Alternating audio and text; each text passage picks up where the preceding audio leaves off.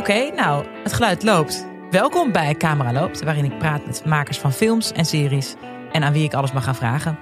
Uh, welkom bij deze Rode Loper aflevering. Want vanaf 25 september tot 3 oktober is het Nederlands Filmfestival. En daarom staat deze aflevering in het teken van de openingsfilm Boulado. Zeg ik dat goed eigenlijk? Boulado. Boulado. Ja, Boulado. Goed gezegd. Um, voor we naar onze gasten gaan, uh, dank voor de reacties op de vorige aflevering. En welkom aan de nieuwe vrienden van de show. Ik heb het natuurlijk over de pagina vriendvandeshow.nl slash camera loopt. Daar vind je alles over en rond deze podcast. En dan kan je vragen stellen. Dus leuk als je even gaat kijken daar.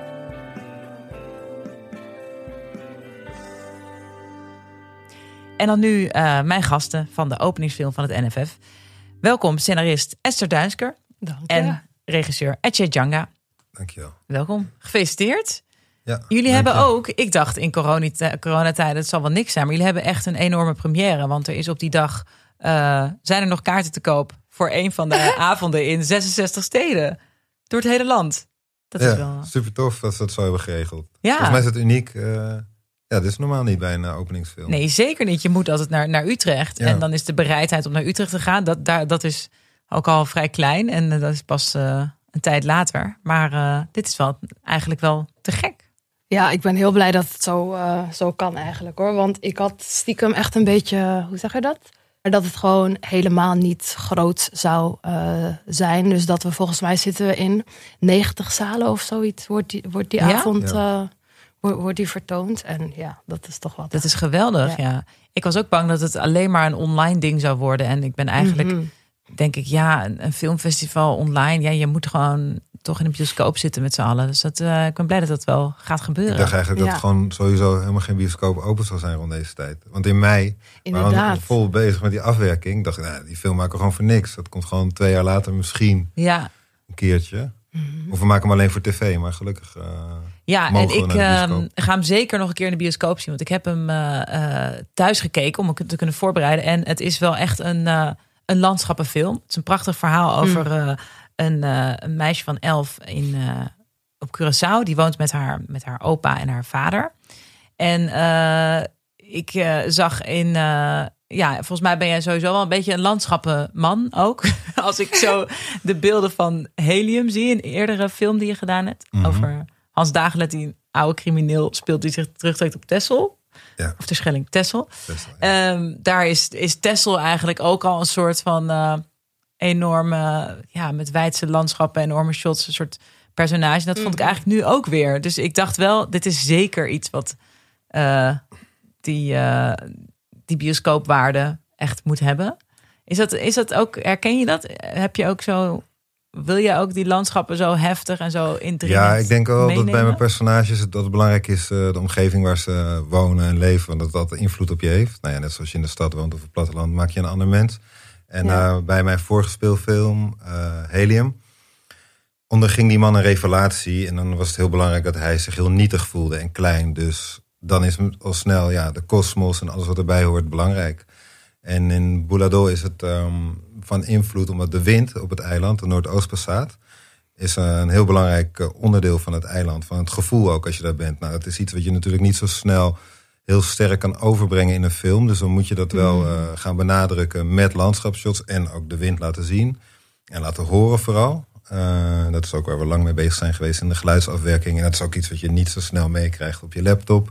Dus vandaar ook belangrijk dat je dat in de bioscoop ervaart. Ja. Ja. en extra toevoeging, denk ik, voor mij in ieder geval wat die beelden ook betekenen, is dat dat eiland heeft zo'n, zeg maar, rauwheid, maar tegelijkertijd ook zo'n poëzie. Wat ik ook in de personages heb geprobeerd, eh, of wat we in de personages hebben geprobeerd te stoppen. Maar wat je ook terugziet gewoon in, ja, juist die wijde shots, die, Ja. die beelden. En eh, hebben jullie hebben nog niet eerder samengewerkt, volgens mij? Nee. Ehm, hoe zijn jullie bij elkaar gekomen voor dit project?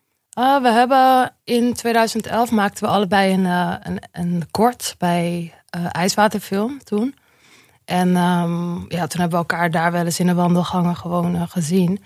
En echt pas dus zes jaar later belde EJ mij of mailde hij mij van ja, ik heb eigenlijk een idee voor iets. Ik ben al heel lang op zoek naar een scenarist. Zou je het willen lezen? En dan um, van daaruit gewoon een keertje kletsen. En hij stuurde het op. En ik las het en ik was op dat moment met iets bezig, maar er zaten zoveel overeenkomstigheden in dat ik dacht, oké, dit is best wel lijp eigenlijk. Zoveel, ehm, ja, bijna echt gedetailleerde dingen. En toen gingen we afspreken en toen klikte het ook nog eens een keer. En nu, uh, ja, dus je waren eigenlijk, hadden jullie al, waren jullie al op eenzelfde golflengte een beetje bezig met iets maken in dezelfde richting?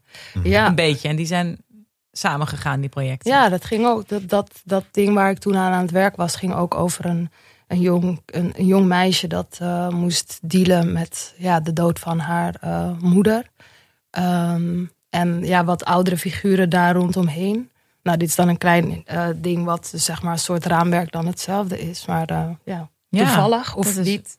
Ja, mooi. Mm -hmm. Heel mooi. Um, nou, dat is dus uh, de hoofdpersoon. Het is dat het meisje van elf, die Kenza. En haar vader wordt gespeeld door Everon Jackson Hoy. En ja, Everon heet hij. Everon, oh sorry. Ja, ik dacht, ik zag fout Amerikaans. Everon, nee.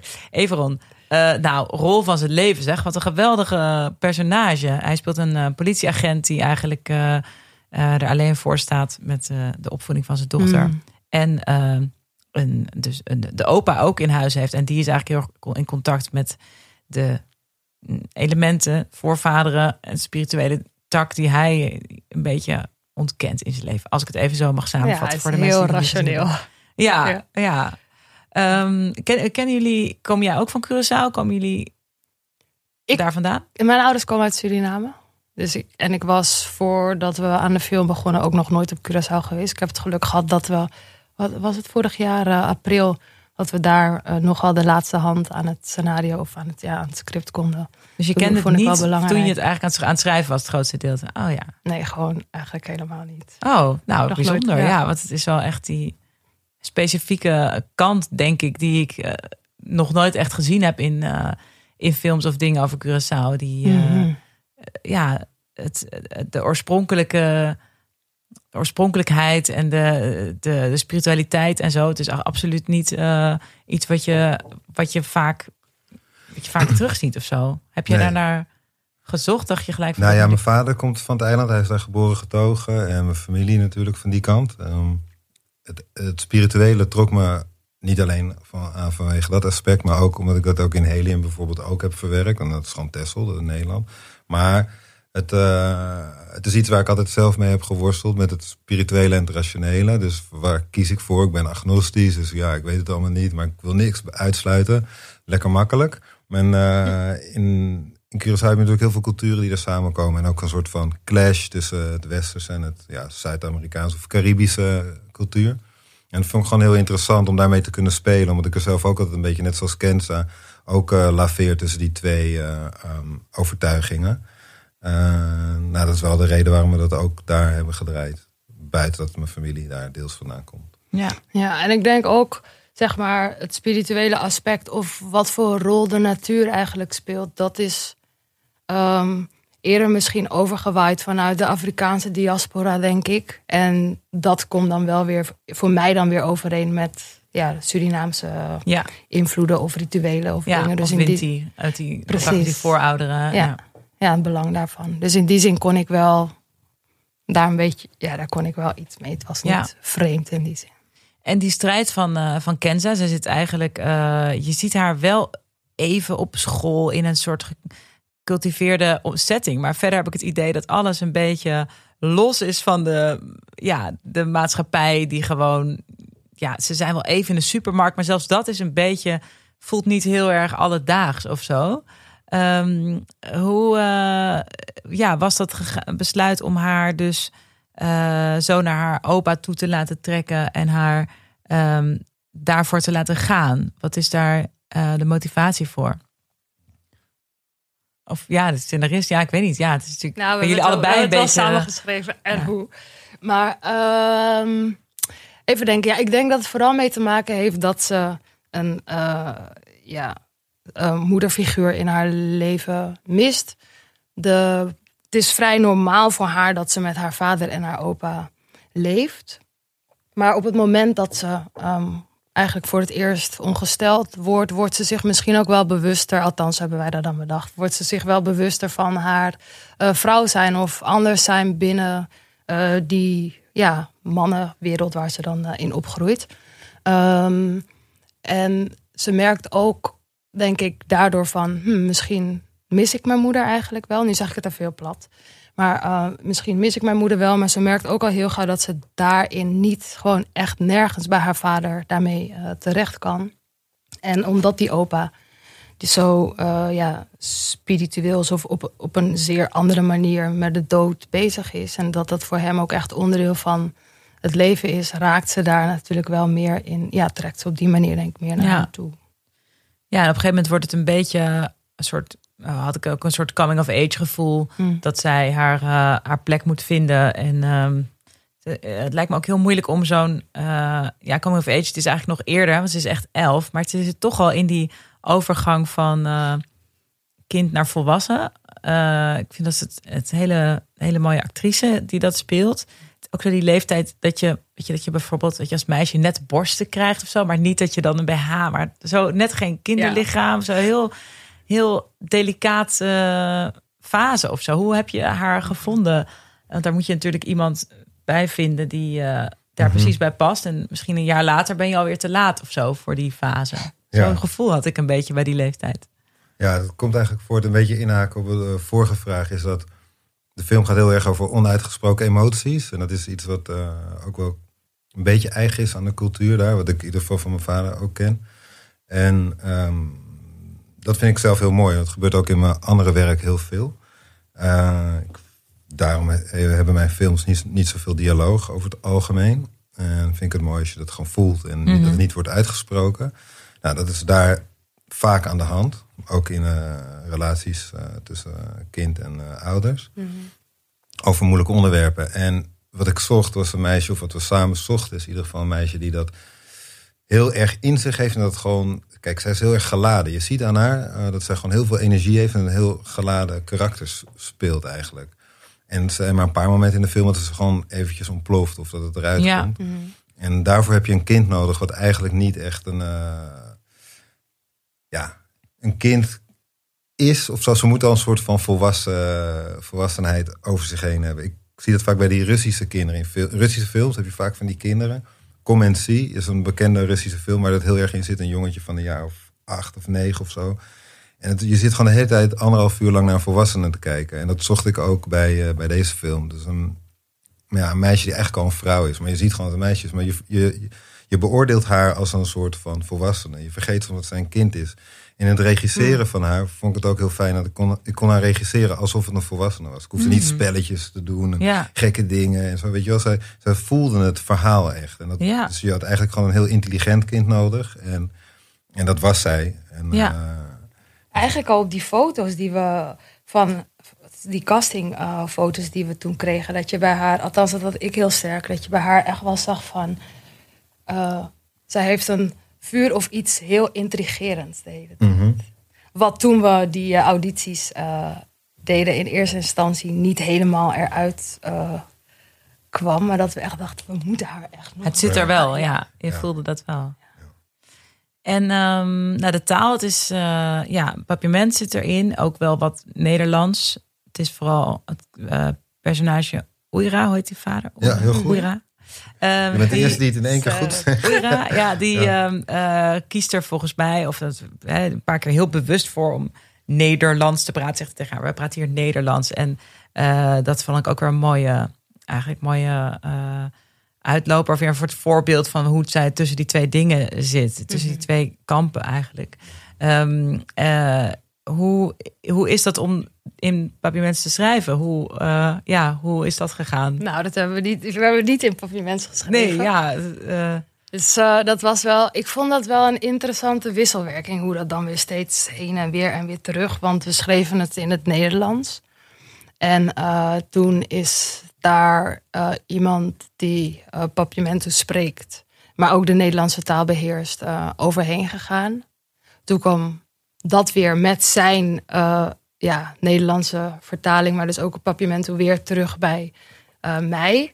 En dan moest ik weer gaan denken van oké, okay, in het Nederlands past dat woordje dan wel? Of niet? Dus het ging gewoon echt de hele tijd uh, op en neer. En dat was zelfs tot en met de ja, ondertitels hebben we daar in gestoeid. Volgens mij hebben we nog was voor een paar weken geleden was het super heet. En toen zaten wij bij mij op mijn, eh, in mijn woonkamer, dus met z'n drieën, met Rodi, die dus eh, die Papiamento-vertaling heeft gemaakt. Zaten we echt, eh, ja, we waren best chagrijnig. Maar het was wel fijn om Tijdens die hittegolf nog de, de, ja, de ondertiteling eh, Ja, precies. Maar ik vond het wel echt fijn om met hem te doen. Want hij kon ook daardoor heel, omdat we samen waren, kon hij gewoon ook heel duidelijk zeggen van ja, maar in Papiamento is dit de lading. En dacht, oké, als dat de lading is, dan moet ik nu gaan nadenken over welke Nederlandse woorden kunnen we daar dan. Ja, Dus het was best wel tof eigenlijk om te doen. Op die manier. Vond ik volgens mij is dat ook best uniek. Ik heb het idee dat, ik heb eigenlijk nog nooit mensen gehoord dat een scenarist zich nog met de ondertiteling bezighoudt. Volgens mij is het echt zo'n ding van, hier gaat het naar de distributeur en eh, dat, ja, ik heb het idee dat dat altijd een beetje weggehouden wordt. Eh, Ja. Ja, weet ik eigenlijk niet. Voor mij is het ook voor het eerst. En- Ja. Ja, ik weet wel dat ze wel altijd aan me vragen van... eh, wil je nog even naar, naar kijken voordat het dan definitief is? Of zo. Maar het is wel waar inderdaad.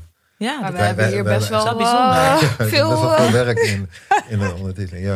Ja, het is echt ontzettend interessante taal. Want er zitten dus af en toe... eh, het heeft woorden uit eh, ja, een, beetje, een beetje Spaanse woorden, Ja. een beetje Engelse woorden, een beetje Nederlandse woorden. En soms kan het dus ook zijn dat je in een zin... ehm, terwijl hè, ik, ik spreek het niet, maar dat er dus opeens een, een, een baak eh, ineens eh, bepaalde woorden heel erg binnenkomen, omdat ze er uitspringen, omdat het juist opeens eh, Spaans, Nederlands of Engels is. Eh, Dat Ja. vond ik wel echt eh, heel, heel mooi. En wederom denk ik, ja, ik, ik zie weinig films eh, daarin. Dus ik vond het wel echt eh, heel uniek daarin. wat Ja. Heb- heb- Was dat Ik voor denk jou? dat het eiland het ook eh, mooi gaat vinden. Omdat je hebt een beroemd boek, Dubbelspel van Frank Martinez Arion. Dat is zeg maar het boek wat je hebt gelezen als je op Curaçao eh, bent opgegroeid. En die is ook verfilmd, Double Play. Maar toen heeft de schrijver zelf ook eh, ervoor gekozen om dat in het Engels te doen. Dus die film is in het Engels. Wat eigenlijk heel erg zonde is. Want ik denk, ja, hoe, hoe meer authenticiteit in, in je verhaal en film... hoe beter uiteindelijk, hoe beter je het oppakt. Want wij kijken toch ook allemaal... Ik, Chinese films kan ik ook mooi vinden, weet je. Dus het is wel zonde dat hij dat niet heeft gedaan bij zo'n boek. Vind ik persoonlijk. En daarom dacht ik ook van ja, als we daar gaan filmen... dan gaat het ook in die taal gewoon zijn. Dus ehm, Moet, moet, dat, Ja. moet dat boek nog een keer verfilmd worden, maar dan in papiament?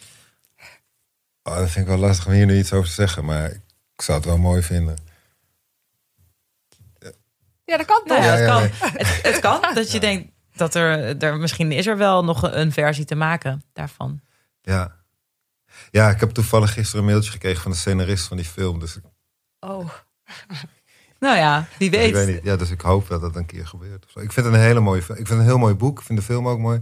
Want het gaat ook heel erg over het onuitgesproken. En het gaat eigenlijk, die hele film, nou nu hebben we het even over dubbelspel, maar die gaat voor mij heel erg over de vrouw op Curaçao. Hmm. Terwijl je eigenlijk weet dat vier mannen ziet domino spelen. En dat vind ik krachtig aan die film. En aan het boek eigenlijk.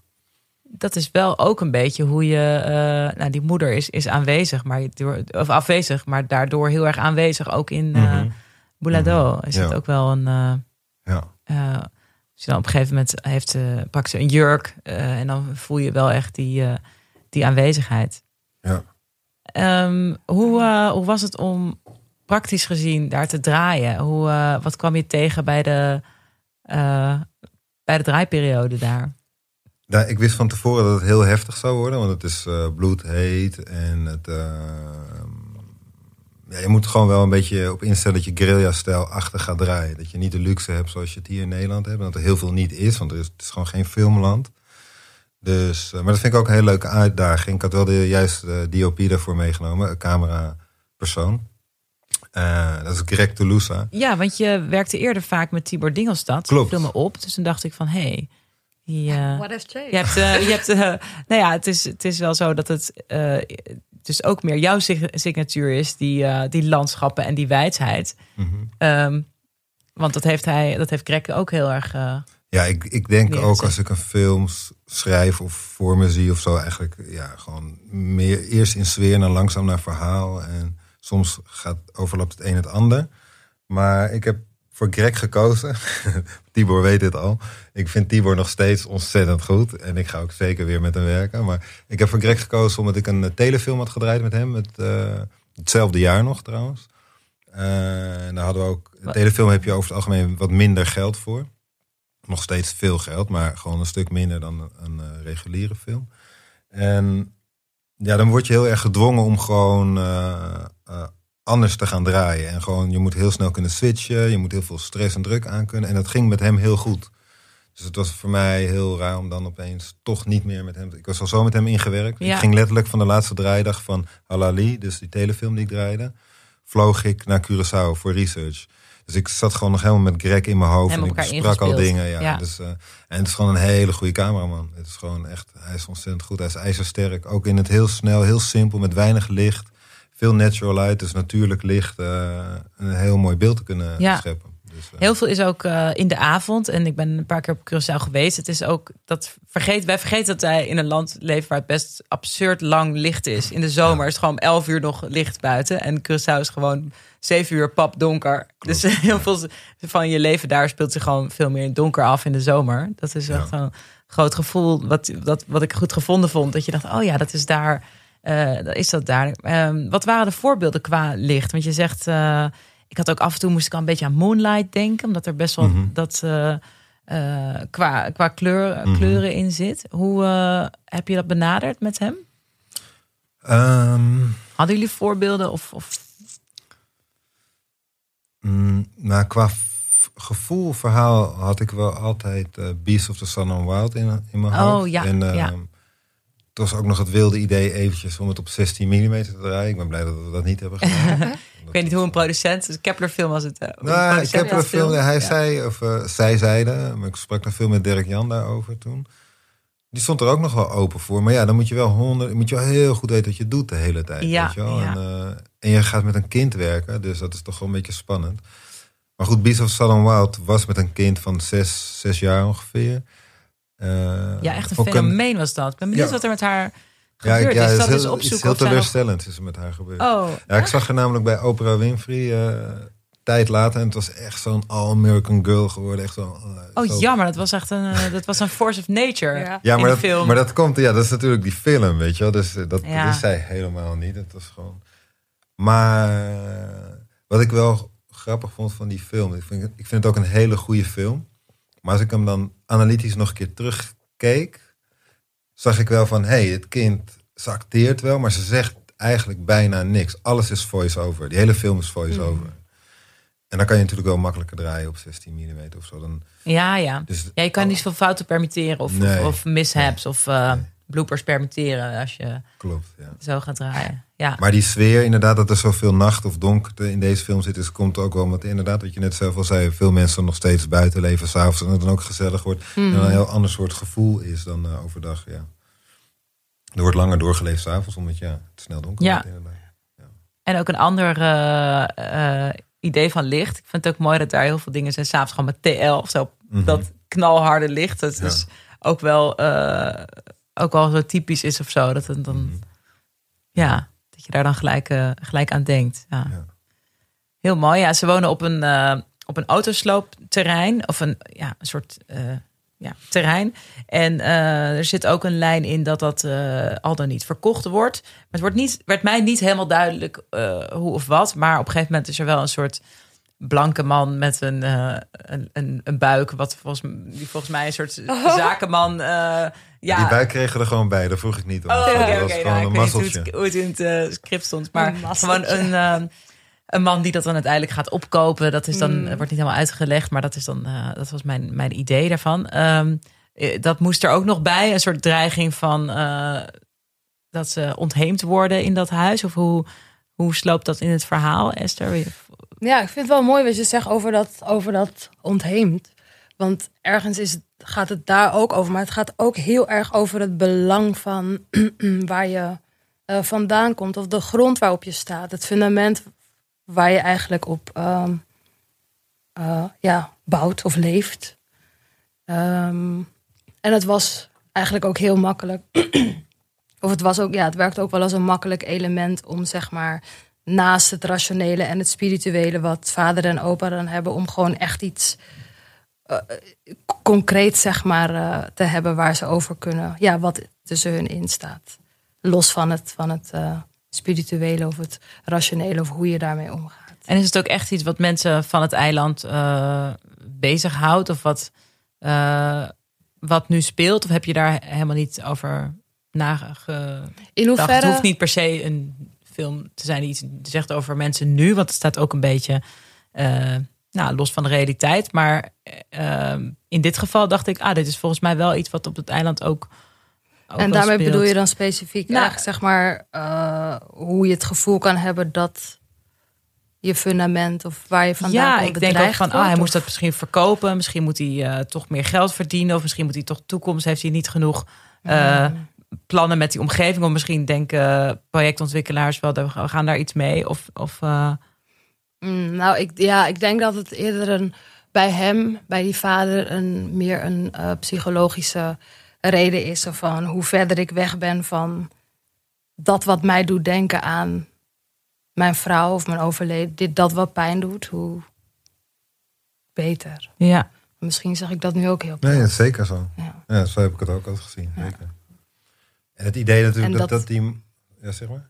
Nee, en daarin denk ik dat eh, de opa Weljo in het verhaal, zeg maar op zijn manier aan, haar, aan zijn zoon duidelijk probeert te maken van, jongen weet waar je vandaan komt en gooi niet zomaar weg wat eigenlijk onderdeel van je is. Namelijk, je hebt een vrouw die overleden is. Dat is hier gebeurd. Steek je kop niet in het zand. Zeg maar zo. Ja, ja, heel mooi. Eh, nou, die opa wordt gespeeld door, ja, eh, dat weet ik eigenlijk niet. Ik heb zijn naam niet Felix, opgezocht. Felix de Roy. Felix, oh ja, dat heb ik wel gezien, ja. Over de aftiteling. En eh, op een gegeven moment, eh, ik was dit met Benja aan het kijken en hij zei, nou, die man toch, die, hoe, die, hoe die speelt. Ik zei, ja, ik, ongelooflijk. Ik zei, ik heb hem nog niet zien acteren. Ik heb het gewoon, gewoon ik dacht, het zag eruit alsof hij gewoon op een golflengte zat en alsof je er toevallig bij was met een camera. Gewoon eh, heel mooi. Leuk. Ik dacht gewoon, ja, het is gewoon, eh, ik, ik, ik zie niet dat hier geacteerd wordt. Gewoon helemaal vrij van alles, wat een beetje die rol moet zijn. Was, hoe, heb je hem, eh, hoe hebben jullie hem gevonden? Mag ik weer? Oh, ja. Eh, nou, het was zo. Kijk, Felix is eigenlijk een.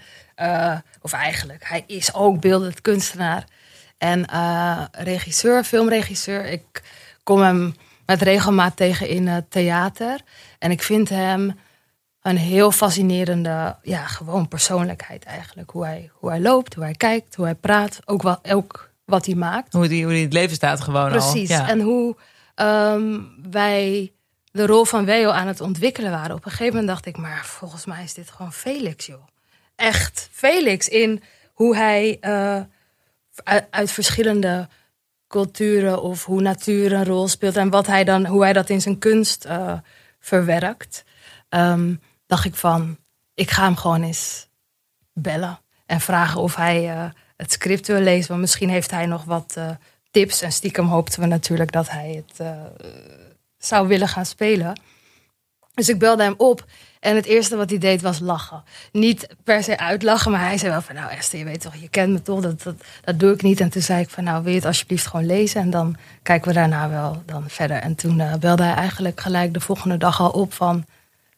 ik wil dit doen, ik ga mijn haar laten groeien. En ja, dus dat was echt Oh, fantastisch. en hij, En wat eh, was het wat hij zag in dat verhaal? Dat hij dacht van dit wil ik, dit wil ik spelen. Nou, ik denk eigenlijk dat wat, ja, dat wat ik eh, net vertelde, hoe, hoe, ehm, cultuur, hoe, ja, hoe cultuur een rol speelt, hoe traditie een rol speelt, hoe je vanuit verschillende tradities of culturen een eigen eh, ja, visie kunt ontwikkelen die je, echt, Ja. die je echt leeft. Maar misschien heb jij daar meer gesprekken met hem over gehad, dat weet ik niet. Ja, maar- voor mij is het wel, ik sluit me helemaal aan. En voor mij is het vooral dat het, voor mij is het in ieder geval iets echt Antilliaans. Het, het mixen, het pakken van dingen, het, het, het eigen swing eraan geven.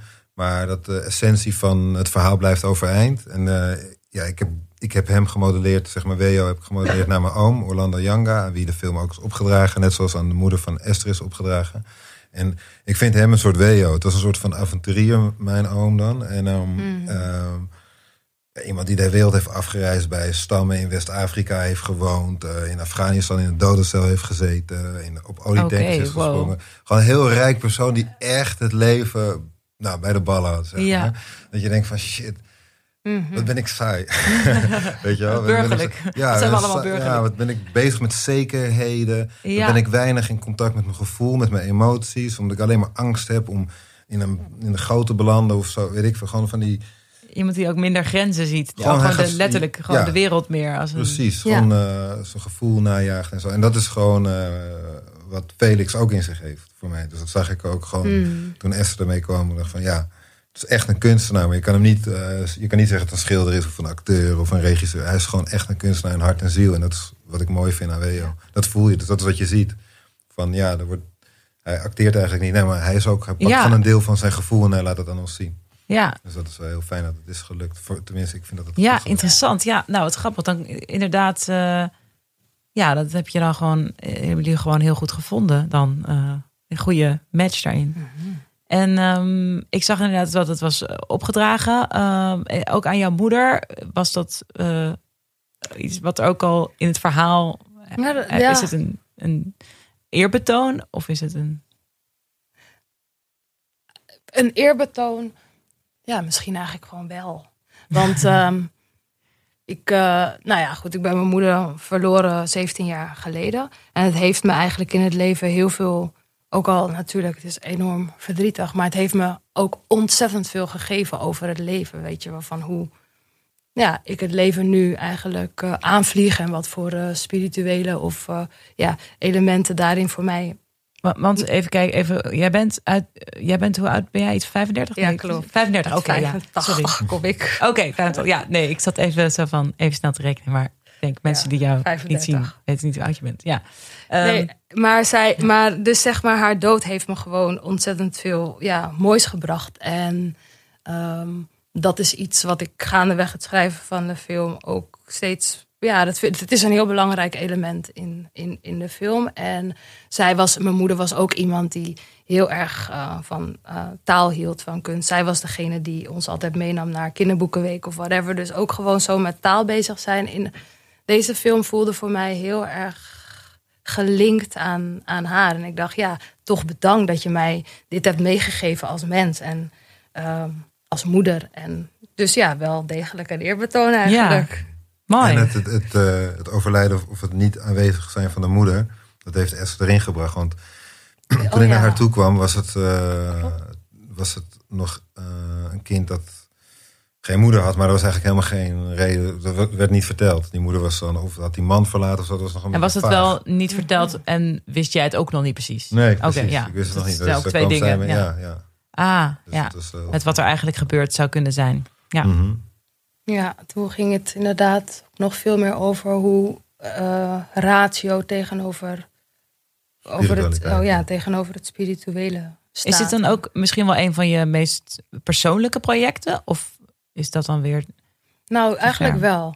Eigenlijk wel. En, maar dat is wel iets waar ik eigenlijk in de laatste fase pas eh, achter kwam. Dat ik ook opeens merkte hoeveel eigenlijk van de dynamiek tussen mij en mijn vader in het personage van Oira en Kenza zat. Ik dacht, jezus, wat, dat had ik eigenlijk Mm. gewoon nog niet helemaal zo, eh, zo door. Dus ja, dit project is me wel enorm, eh, ja, gaat, ja, gaat me wel echt aan het hart. Het is me wel echt dierbaar.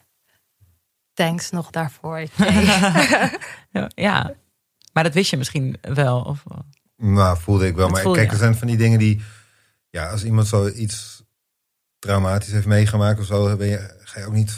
Ja, ik weet niet. Ik had niet Zit het te idee- porren. Dus dat, zoals dus dat was de reden. Ja, dat is de enige reden dat ik mee Ja. Van, oh, die heeft een moeder verloren, let's Ja. go. Ja, nee. Nee, dat- ja, ja, je moet, je moet iemand toch zelf brengen. Je gaat het niet eisen of vragen van iemand. Mm. Dus, ja, het kan bijna niet anders, toch? Een meisje, ik bedoel, er komt wel iets uit voort. Er komt, ja. wordt vanzelf dan eh, persoonlijker. Dat hoef je niet En is het voor jou ook persoonlijker dan je eerdere, eerdere werk, omdat Zeker. het, eh omdat het Curaçao is? Nee hoor, niet alleen omdat het Curaçao is, maar ook, eh, want ik ben gewoon geboren getogen in, Holland, in Nederland. Maar eh, wel de relatie tussen de vader en de zoon. En het kind wat gewoon laveert, gewoon tussen Mhm. die twee, over wat ik net ook zei aan het begin van het gesprek. tussen die twee eh, overtuigingen, Ja. levensovertuigingen, Oh ja. dat heb ik nog steeds. Ja. Maar ook de relatie vader en zoon, ja, dat is natuurlijk, ja, dat eh, ja, is wel herkenbaar. En daar heb ik wel ook veel uitgeput, ja, zeker. En ehm, eh, ja, die rol van Everon, daar zit je dus ook, eh, daar heb je dus ook elementen van, van hoe je omgaat met een vader en hoe je Ja, het zelf is wel vader heel bent. erg gemixt. Oh, ook zelf vader ben. Ehm, nou, het is wel heel erg. het loopt allemaal heel erg door elkaar. Want mijn opa was dus de eerste zwarte agent op het eiland. Dus daarom is hij agent Mhm. geworden. Uh, mijn oom is dus eigenlijk Weo. Um, Oira, dus de vader van het meisje, is, uh, doet veel denken aan mijn eigen vader. Maar de relatie tussen hem en zijn vader, dus, dus tussen Oira en Weo, doet soms denken aan hoe ik met mijn vader zeg maar, contact Ja. heb. Of niet praat over sommige dingen. Of niet kan, eh, emoties niet kan delen of zo. Dat, Ja. dat, eh, dat ding, dat zit. Dus het is gewoon één mix. Dus ik kan niet aanwijzen van die is die, die is Nee, is die. nee. Het loopt allemaal Nee, een soort overlap Ja. zit er overal in. Ja. Ja. Wel heel mooi, want ik heb van, eh, ja, ja, Esther, jij schrijft ook, eh, je hebt ook veel theater geschreven, vertaald. Ja, Ik heb eh, daarvan eh A Raisin in the Sun gezien, van de Oh, leuk, hele ja. trilogie uiteindelijk geworden. Klopt. Ehm, Back in the days. ja, nee, ik vond het heel, eh, heel tof. Eh, maar blijf je, eh, ben je nu helemaal naar film eh, toegezogen? Of is het voor jou eh, eh, hetzelfde? En blijf je allebei... eh, Ik zou het tof vinden als ik het allebei kan blijven doen, natuurlijk. Maar ik eh, merk wel dat ik mezelf meer wil ontwikkelen binnen film en, en televisie. Het is echt een heel andere manier van eh, schrijven voor mij dan. En dat bedoel ik bijvoorbeeld vooral, zeg maar, de uitdaging die je in het theater hebt van dat een verhaal volledig gestuurd wordt door, ja, door de taal. Zeg maar, en dat je hier gewoon de vrij, of binnen film ook echt de vrijheid hebt om beeld echt een enorme rol te laten spelen en daarover na te denken. En dus ik zou het leuk vinden als ik dat allebei kan blijven doen. Ja, zeker. Ja. Nou, ik zou het ook leuk vinden als je dat allebei, allebei blijft doen. Ehm, ehm, over het eh, draaien nog. Ik zei het al, die landschappen. Eh, er is een, eh, eh, een kant die misschien veel mensen kennen van Curaçao. Dat zijn de gekleurde huisjes en Willemstad. En eh cruiseschepen en eh, weet ik veel. Eh, die kant ervan. Maar eh, er zit hier ook eh, een kust, shots in van de kustlijn. Maar dat is volgens mij dan de Noordkant. Noordkust. Ja. Dat is eh, een hele grillige kust waar je ook niet kan zwemmen. Eigenlijk waar je gewoon cliffs zijn. Volgens mij ook haaien. Het is gewoon niet, dat is gewoon niet met strandjes, met, met beachbars en zo. Dus dat is eh, eh, heel mooi in beeld gebracht. En dat is ook waar eh personage van Weljo dan heen gaat en eh, communiceert met de, met de wind. Ja, ik zeg dit gewoon. En als je de film ziet, dan maakt het all make sense. Ehm, hoe heb je daar kunnen draaien? Zitten daar drone shots? Mocht je met een helikopter, er zitten daar waanzinnige shots in. Ja, dat zijn inderdaad drone shots. En het is allemaal in Bandabao gefilmd. En dat is zeg maar het wat ja, het mooiere deel van het eiland, vind ik. Het wat eh, minder gecultiveerde deel. En de reden dat ik daar eigenlijk... Dus heeft ooit één scène in de film gezeten dat we echt in Willemstad waren.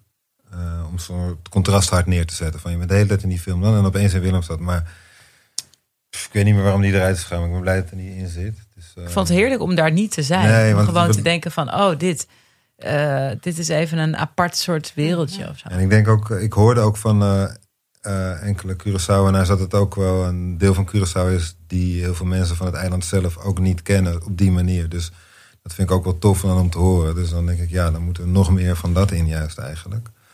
Ehm, ja, dat is eigenlijk, eh, ja, het is gewoon de binnenlanden van, eh, van het eiland. Het is bijzonder. Ja. Ja. Ja, te gek hoor. Ehm, en ben je alweer met iets eh, nieuws bezig? Of denk, eh, denken jullie alweer aan samenwerken? Of eh, hoe gaat Ik heb dat? een idee dat zich ook deels op het eiland en deels in Brabant afspeelt. Dat komt misschien een beetje doordat ik Halali, dus de telefilm speelt zich helemaal in Brabant af. Vind ik ook heel erg mooi. Maar in Brabant en in Curaçao, daar ben ik mee bezig. Maar het is echt het begin van het begin nog. En je zei eerder, je, begint, je kan ook in sfeer beginnen. Niet per se met een, met een plot of een, een personage. Klopt niet helemaal eigenlijk. Oh. Want Nu, ik merk dat ik nu heel erg met plot bezig ben. steeds. Maar dat komt omdat ik gewoon steeds meer... Ik wil dat mijn films steeds toegankelijker worden. Dus ik wil graag een breder publiek aanspreken. En voorheen deed ik dat, was ik daar helemaal niet mee bezig. En ik ben nu meer bezig met van... Ja, ik vind het wel belangrijk dat gewoon ook publiek naar mijn films gaat. Dus Maar vind je het belangrijk dat het publiek naar je film gaat? Of omdat dat je films een breder publiek aanspreken? Nou, ehm, eigenlijk het eerste. Maar ik ontdek het ook bij mezelf. eh, dat ik dat zelf echt wil. Dus dat is. ehm, ik, ik stoor mezelf.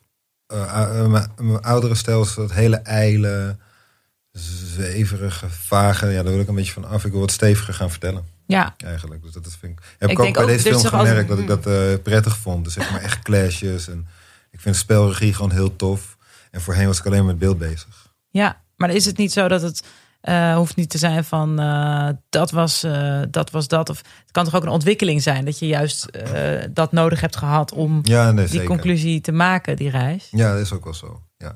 Maar ehm, ik vind het wel interessant dat het is een ander ding dat je wil dat gewoon veel mensen deze film gaan zien. Ja. Of dat je denkt van, ja, ik wil iets maken waar zoveel mogelijk mensen van houden. ja, nee, nee. Dat eerste. Ja. Oh, ja, precies. Nou ja, nee, dat tweede is ook legitiem. Nee, dan want anders moet ik echt een romcom gaan andere- schieten of zo. Want dan, ja, dan pak je de meeste eh, mensen. Ja, Dat is- ja, maar dat- misschien komt het ook nog een keer, weet ik niet.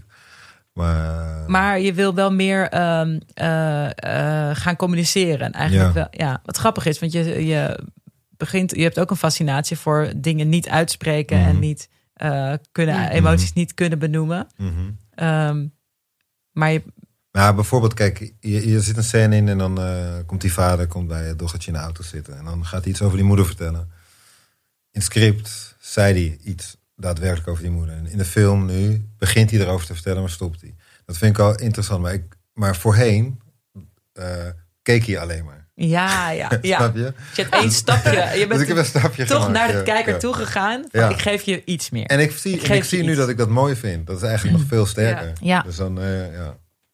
Ja, oh, ik begrijp goed wat je bedoelt. Ja, ja.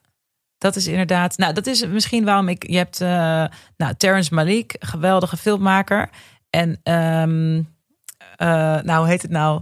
The Tree of Life? The Tree of Life. Nou, je hebt denk ik mensen die daar helemaal in mee konden. En ik, ik zag hem ook wel in Italië, in Rome. Ik was met, eh, ik zat in Rome een maand om naar te filmen. En toen ging ik met Benja, die kwam mij even opzoeken. Ging naar de film, de enige die in het Engels was of zo. Dus eh, ja, we zaten aan die film en ik begreep echt helemaal niks van. En, en ik voelde me ook niet alsof ik het, alsof ik mee mocht op de ride of zo. Weet je wel? Soms dan denk je van, oh, ik snap het niet, maar I don't care. Maar ik ben gewoon mee. En hierbij dacht ik zo van, nee, nu ben ik echt nu voel ik me gewoon dom en eenzaam. En nu, nu laat ik het gewoon los. En nu snap ik helemaal niets meer. En nu zit ik gewoon een beetje naar mooie beelden te kijken. En dat is fijn. Ehm, maar er is zeg maar... Ja, dus ik Ja. denk soms denk ik... Ja, maar nu moet ik echt iets meer hebben of zo. Mhm. Waren jullie Tree of Life fan? Nee, ik niet. Ik vond het heel kitsch. Oh ja, ja. Ook vooral het einde met een soort hemel. allemaal- Oh, de Lord, Ja. de Lord. Ja, de, maar dan op een manier... film Op een manier dat ik die, dat het gewoon, ja, nee, ik, dat het over mijn hoofd vloog en dat ik het niet meer snap, niet meer. eh, ik voel niet alsof het voor mij was. eh, Nee, voel je niet serieus genomen, toch? Ja, Als- nee. Als de hemel zo wordt geportretteerd. Terwijl het is- een geweldige regisseur is. En ik zou andere films vind ik ja, en maar en dus halfweg die film of in, na, na een kwartier vroeg ben ja, wat is het eigenlijk voor film? Ik zo, ja, ik heb de trailer gezien, maar ja, eh, ik voel hem. Ja, vaag shit, super vaag, geen idee. Oké, ja, maar dat, ehm, dat pad ga je niet op. Nee. Jij gaat eerder toe naar meer geven, iets meer geven aan je, om mensen er meer bij te, bij Ja. te halen. Ja, interessant. Ja, Dat is het plan. dat is het plan. En ehm, eh, je gaat ook zelf schrijven, of kan het bij jou zijn dat je Nou, dat, er iemand eh, erbij haalt? ergens? Nee, ik had Esther natuurlijk al een beetje over verteld. Maar ik zei ook al tegen haar... ehm, ja, ik moet eerst eventjes iets Ik moet eerst even wat schrijven voordat ik kan zeggen van... Ja, is het Ja. interessant voor je of zo? Maar ze krijgen het zeker te lezen. Leuk, Ja. leuk hoor. En heb jij alweer iets eh, eh, waar je over kan vertellen? Wat we kunnen, naar uit kunnen kijken misschien? Ja, ik ga wel een nieuwe theatervoorstelling schrijven. Oké, eh, die Romana Vreda gaat regisseren. Oh, leuk. regie, de, of nou ja, regie, ja, grote zaalregie, debuut in die zin. Dat start in oktober, dat schrijven dan. En wanneer we precies eh, ehm, ja, uitkomen, dat, dat is nog niet duidelijk. Eerst dat stuk maar eventjes. ja, geweldige actrice. Dat is trouwens- Alvast, ja. Ja, ook. Ik bedoel, ik weet nog niet wat ze gaat maken, maar ik vind er wel... Ja, ze is een topactrice. Maar dit, dit, dit eh, stuk wordt, is ook mijn reactie op A Raisin in the Sun. Want die had- we hadden het net over die trilogie. En zeg maar, dus die andere twee stukken die zijn ook eh, reacties op A Raisin in the Sun. En dit wordt er ook dan weer een. Van mij. Ah. Ja, vanuit mij dan, nu. Te gek. En Romana. Ja, dus je blijft, daar, je blijft daarin doorgroeien. Tof. Oké, ik heb ook een rubriekje. Wat kijk jij nu? Eh, ja, Esther, wat ben jij? Heb je nog iets gezien wat we Ja, moeten ik zien? zit- Of juist niet? Nou, mm, ja, ieder voor zich. Maar ik zit helemaal in eh, Dark op Netflix, is dat nu. Dit is zo'n Duitse serie. Ja, een Duitse horror sci-fi-achtig, Ja, toch? en ik vind het echt best wel dope eigenlijk. Is dat Het met, met het begin met een zelfmoord of zo? Het in, Eh, nee, het begint met een vermissing. Van, Oké. Oh ja, klopt ja, inderdaad. nee, ja, zelfmoord. met een schuur. Nou, ik, Ja. heb ik begon te kijken, ik had er echt zin in. En toen was ik echt zo van, oh, stomp in mijn maag de eerste paar minuten. Kon je niet door? Of... Ehm, ik, ik ga, moet het nog even een kans geven. Maar op dat moment was het, het kwam wel even binnen, ja. De eerste Ja. tien minuten of zo Ja, al. snap ik. Het is echt super duister. En dat blijft het ook. En je wordt er echt wel... Wat ik er zo goed aan vind, is dat je gewoon echt in mee wordt gezogen. En als ik daarna de straat op ga of zoiets, dan denk ik, alles is verdacht. Zit je nog in die ja, paranoïde ik vind dat echt vibe. super knap. Ja, Ja, dus ik, ik vind het wel een aanrader, maar misschien... eh, leuk. ja. Oké. Ik vind snel dingen eng, maar ik ga het wel kijken. Denk ik. Ik hoor er goede dingen over. Dark op Netflix. Oké, oké, goeie. Ja, Eh. ik ben dus eh, nog kijk Sopranos. Oldschool. Maar ik moet wel zeggen, ik bedacht me net, ik ga vanavond voor het eerst eh Zero Zero Zero kijken. Ik hoorde dat hij, een goede vriend zei dat eh, gisteren tegen me, dat moet je zien. Dat is een soort van Sicario meets eh, The Godfather. En dat is op NPO. Oh, En, eh, zero, zero, zero. Ja, en ik heb zijn mening altijd wel hoog zitten. Dus hij zei dat het echt fantastisch was. Dus ik ga dat kijken vanavond. Nou, dat klinkt geweldig. Sicario was geweldig. The Godfather. Wauw, Mhm. oké. Ja, ik moet dus bekennen dat ik niet alle Sopranos heb gezien. En de hele tijd denk, oh ja, daar ga Ah, ik nog een keer, dat ga ik nog een keer dat doen. moet je echt doen. Het is, nog gewoon, het is gewoon tijdloos. Ja, en het staat ook gewoon op HBO. Dus waar Ja. ik nu weer een abonnement op heb. Dus dat, eh, ja, het is Ja. eigenlijk daar. Ja. Eigenlijk een soort mother of all Ja. series. Ja, toch? ja, zeker. Eh, het begin van de, de golden age of television, wat ze zeggen, waar we nu in zitten. Dat is eigenlijk daardoor, en door Six Feet Under kwam dat. Ik moet het Oh gewoon ja, zien. dat vond ik ook te gek, joh. Maar er zijn zoveel seizoenen, zoveel afleveringen. Ik, moet, ik ga gewoon een keer helemaal opnieuw beginnen. Kijk. Wat kijk jij? Goeie vraag. Oh. Nou, ik kijk nu I May Destroy You Oh ja. op eh, HBO. Hebben jullie dat gezien? Nee, ik weet ervan. Ik heb, eh, Ja, super vet. Eh Michaela Cole, Cole heeft het Cole heeft geschreven. En geregisseerd een paar afleveringen. En speelt de hoofdrol. En nou ja, die is echt eh, mesmerizing. en het is, gaat over haar leven, toch? Of Het gaat, meegemaakt? eigenlijk gaat het over eh, eh, sexual assault in allerlei verschillende gradaties. Dus je, je hebt verkrachting en dan denk je, oh ja, dat is verkrachting. Dat is, daar hebben we allemaal een idee van. Dat is eh, zoiets wat gebeurt. Maar er is ook dat je, dan heeft ze een date of dat je een seks hebt met iemand en dat die dan gewoon het condoom uitdoet op een gegeven moment. Fuck, Eh, zonder overleg, zo dat iemand dat doet. En dat eigenlijk dat ook is. En je ziet eigenlijk het over de hele, eh, over haar hele omgeving en vriendengroep in, dat is gewoon in Londen, een soort hipster, hipster millennial scene. Hoe gewoon eigenlijk het moeilijk is om jezelf, je eigen grenzen en wie je nou Mhm. bent. En wat is nou het verschil tussen dat jij een toffe avond hebt met iemand of dat je eigenlijk gewoon gebruikt wordt. Wat is daar de grens in? En hoe, eh, wanneer slaat het om? En hoe ga je daar om met je gevoel? Hoe eh, blijf je je niet gebruikt voelen? Of hoe, eh, hoe ga je daarmee om? Het, is echt, het zit enorm goed in elkaar. Het is echt, het is echt zo goed als dat ik overal hoor dat mensen dat zeggen. je, soms heb je heel veel goede dingen ergens over gehoord. En dan zie je het en dan denk je... Oké, maar dit is echt enorm, enorm cool. Ik heb het nog niet helemaal uit. Maar Oh, mooie thematiek. ja, het is echt heel mooi. Dus ehm, dat, ga, dat, eh, dat ga ik kijken. Dat kun je zeker, eh, ga ik zeker aanraden. Maar ehm, nou, dank jullie wel voor het eh, Heel komen. bedankt. Jij ook. Ehm, er zijn nog meer films die, eh, die iedereen kan kijken. In gewoon, in gewoon je stad, waar je dan ook woont in Nederland. Eh, je kunt allemaal premières kijken eh, die in het kader staan van het Nederlands Filmfestival. Tussen 25 september en 5 oktober. Dus eh, ga dat vooral doen. Het is niet zo dat er geen festival is.